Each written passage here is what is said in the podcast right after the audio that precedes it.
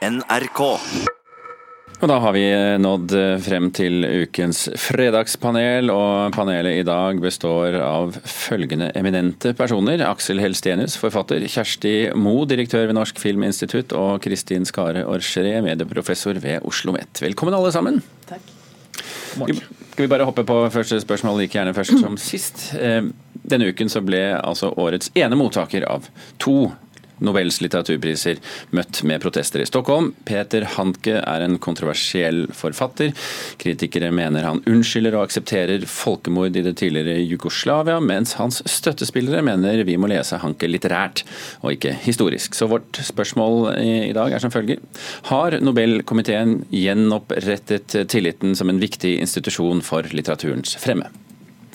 Kjersti? Nei. Ja. Nei. Gøy. Skal du begynne, Kjersti? Du dro litt på det, merka jeg. Det går an å se dette på forskjellige måter. Eh, jeg tenker at eh, Nobelkomiteen eh, har behov for å flytte fokus bort fra seg selv og sine egne uryddigheter, hvis man kan kalle det det. Sara Danius døde tidligere i år, det har hun vært et sterkt symbol. Nå har de i hvert fall flytta fokus bort fra seg selv og over på en annen kontrovers. da. Men, men jeg håper å si, oppslutningen rundt prisen og håper å si, redde den i land som, eh, som Statusen på den, eh, det er knyttet opp mot fredspris eh, osv. Jeg tenker nei. Aksel Helstenius. Nei, ja, jeg syns det, altså. Jeg, jeg, tenker jo liksom at det er jo disse prisene han Noen av får disse prisene for tidlig. Vi har en fredsprisvinner, Aung San Suu som jo absolutt fikk den for tidlig. Nå kritiserer vi det. Han har jo fått den altfor seint. Han burde fått den for 15 år siden, så kunne vi kritisert det sånn etterpå, sånn som vi gjør med henne. For At han er en stor forfatter, det er liksom ikke noe å lure på. Så jeg tilhører Jeg skjønner at det er vanskelig, og jeg forstår de som, som mener at han forsvarer Eh, totalitære regimer og sånt noe. Men jeg, jeg syns prinsipielt at det ikke skal ha noe å si for den prisen. For da, hvis vi begynner å gjøre det, da tror jeg vi er på villere veier enn ikke. Så jeg sier ja. Mm. Og så syns jeg vi egentlig burde snakke om Olga, som jo forsvinner. ja, altså prismottaker nummer én. Olga Tukarsek, ikke sant? Det er problemet. Det er henne vi bør snakke om. Så hvorfor snakker vi ikke om henne? Det får bli et annet ja. panel, eh, herr Helstenius. Kristin eh, Orcheré. Det må jo være litt hjemme i dette panelet òg, for det går jo inn litt i det bakteppet som jo faktisk er metoo-skandalen som slo ned i Sverige. Og sånn som jeg ser det, så handler jo metoo-kampanjen om å flytte fokus bort fra noen menn som har tatt for mye plass og setter fokus på andre ting. Og så blir det da dette paradoksale resultatet at Olga eh, havner eh, i bakgrunnen eh, med det vanskelige etternavnet som få oss klarer å uttale. Eh, så koker det jo ned til dette vanskelige spørsmålet om det går an å skille mellom politikk og litteratur, og det er jo vanskelig å gi et helt entydig svar på. Eh, vi har jo det klassiske eksempelet med Knut Hamsun, som vi anerkjenner og mange av oss elsker, selv om vi få syns han var noen særlig sympatisk person, eller liker de ideene han sto for. Men jeg syns ikke at dette var noe strategisk lurt valg av Svenske Akademien nå, selv om det da ganske riktig tar fokus bort fra deres egne problemer, så syns jeg de faktisk skaper nye problemer ved denne prisutdelingen. Det blir litt sånn eh, reality show-strategi. Gi dem noe annet å snakke om. For, forklar. Det er som eh, de store eh, reality-stjernene som vi følger livet til. De, det er stadig nye skandaler for å få noe nytt å snakke om. Og jeg er jo ikke uenig i at han er en forfatter som uh, må anerkjennes, men jeg tenker at akkurat nå, eh, så tror jeg Nobelkomiteen kunne gjort et klokere valg for å øke oppslutningen rundt eh, prisen. Men nå er de jo i hvert fall i gang igjen, da, om ikke annet. Men da er det ikke bra at de ikke gjør det, da? På en måte så er det jo det, da. Men, vi skal jo snart diskutere noe annet på kunstsiden her også, ikke sant? Ja, da, det, vi, ja, vi, vi skal diskutere noe annet på kunstsiden, men eh, først så skal vi diskutere dette.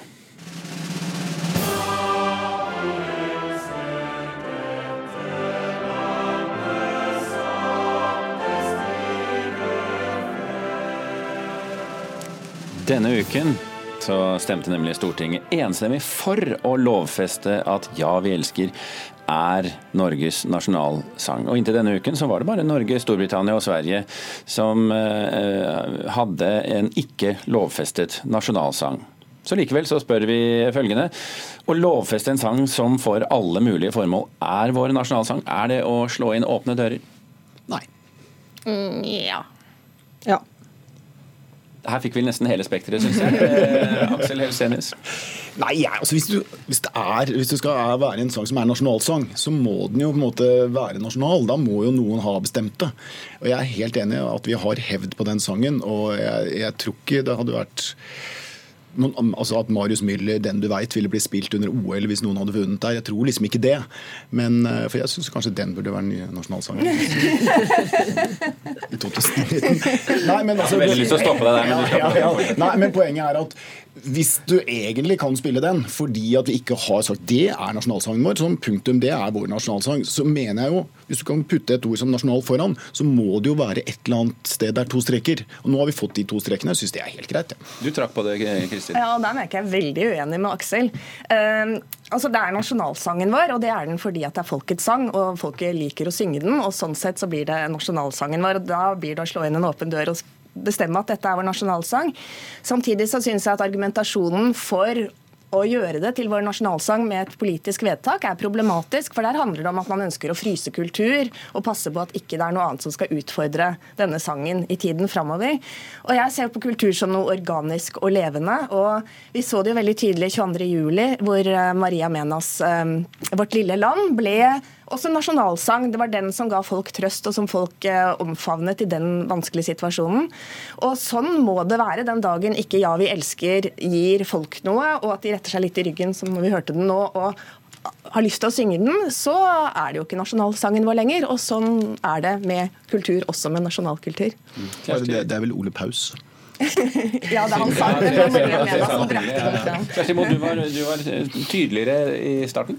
Eh, ja, jeg tenker nok litt som svenskene. At uh, det er jo ingen som lurer på hva som er nasjonalsangen vår. Uh, og trenger vi da å vedta det? Mm. jeg tenkte at nå kan Stortinget ta stortingsferie. men, men sier, sier det, gir det et signal fra Stortinget når de nå en gang vedtar noe som alle er enig i? opplever det egentlig ikke som det. Jeg opplever det som en eh, formalisering av noe vi alle, alle vet, og alle kjenner, egentlig. At, eh, og eh, man velger ikke å spille en annen sang når noen har vunnet en medalje, eller et eller annet sånt, for da vil det bli ramaskrik. så det regulerer seg litt selv. Da. Ja, jeg syns som sagt det der er helt greit. Ukomplisert. Men, men gir man et signal? Altså Man ja. gir jo et signal om at her kan det i fremtiden være noe som truer nasjonalsangen? Ja, nettopp. Og begrunnelsen var jo nettopp det. Vi skal sørge for at det aldri vil herske tvil om hva som er vår felles nasjonalsang. Og jeg mener at det trenger vi ikke å få politisk forklart eller dyttet på oss. Det må komme innenfra eller fra folkets side. Ser dere noe som truer i, i langt vekk i tid? Noen ser noe som truer langt vekk i tid. Gjør du? Nei. Gjør du? Det er jo Marius Müller, da. okay. Kanskje Ole Paus. Eller kanskje Ole Paus. Vi har jo et tema til, eh, og det er eh, denne bananen som ble ukens snakkis. Eh, helt normal, vanlig banan. I den grad bananer er vanlige når de er prissatt til 1,1 millioner kroner. Kunstverket skulle symbolisere global handel, og det kaltes Komikeren.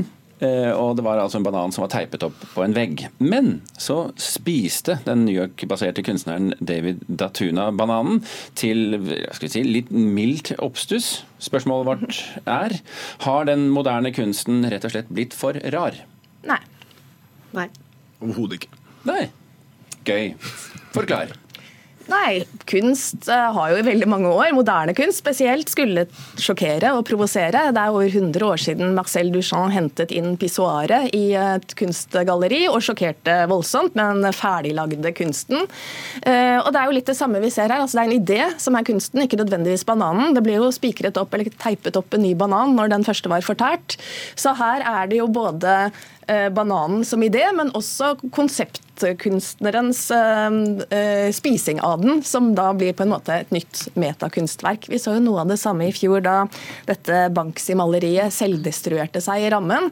Uh, det er noe interessant der med hvor man prøver å kritisere kunstens rolle, men så blir det tatt inn i kunsten selv. Det halvødelagte bildet til Banksy ble jo også da priset høyere enn det opprinnelige bildet. Og, og, sånn sett så fikk jo også denne bananen nå veldig mye større oppmerksomhet, og kanskje høyere kommersiell verdi. Bananen som idé, er det en setning du bruker ofte?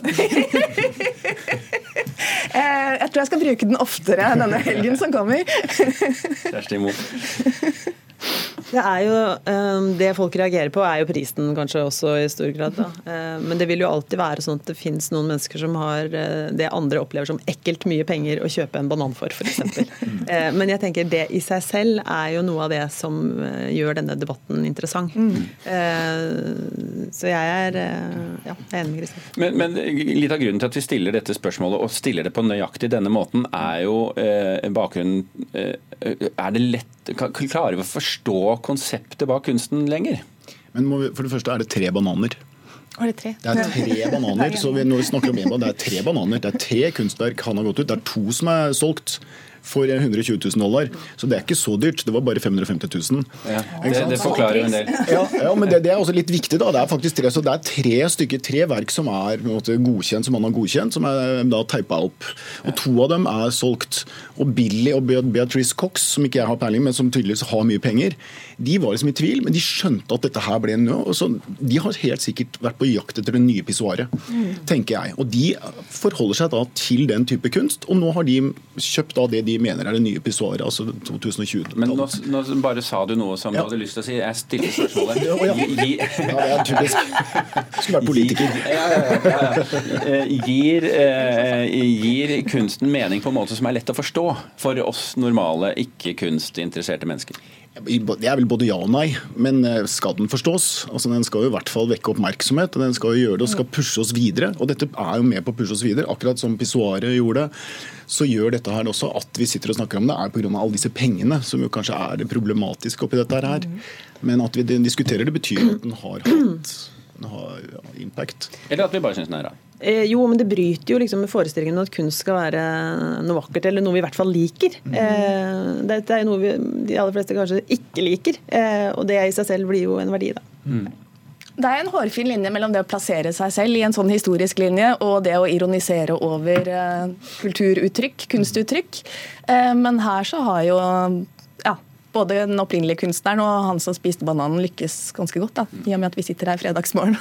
Og, bare, altså, han, eh, han, Maurice Catalan som laget dette her, når du ser på katalogen, han har laget mye rart. Og så er han han er like gammel som meg. Han blir 60 år. Så han er liksom, det er ikke noen sånn ung eh, tøysekopp. Så han har jobba Kunstverden er full av ja, Han har i hvert fall jobba ganske lenge. Så det er, det er, jo et prosjekt han har, da. Han har jobbet med dette et år, da. Ja, ikke sant? Det er Veldig vanskelig å få revet av den Timeprisen blir ikke så høy, da uansett så er vi nødt til å runde her. Og så vil jeg oppfordre alle eh, som hører, hørte dette fredagspanelet, til på et eller annet tidspunkt i dag inkorporere setningen 'banan' som idé. så får det være siste budskap fra eh, dagens fredagspanel, som i dag besto av Aksel Elstenius, Kjersti Moe og Kristin Skare-Orgeret. Takk for at dere var med.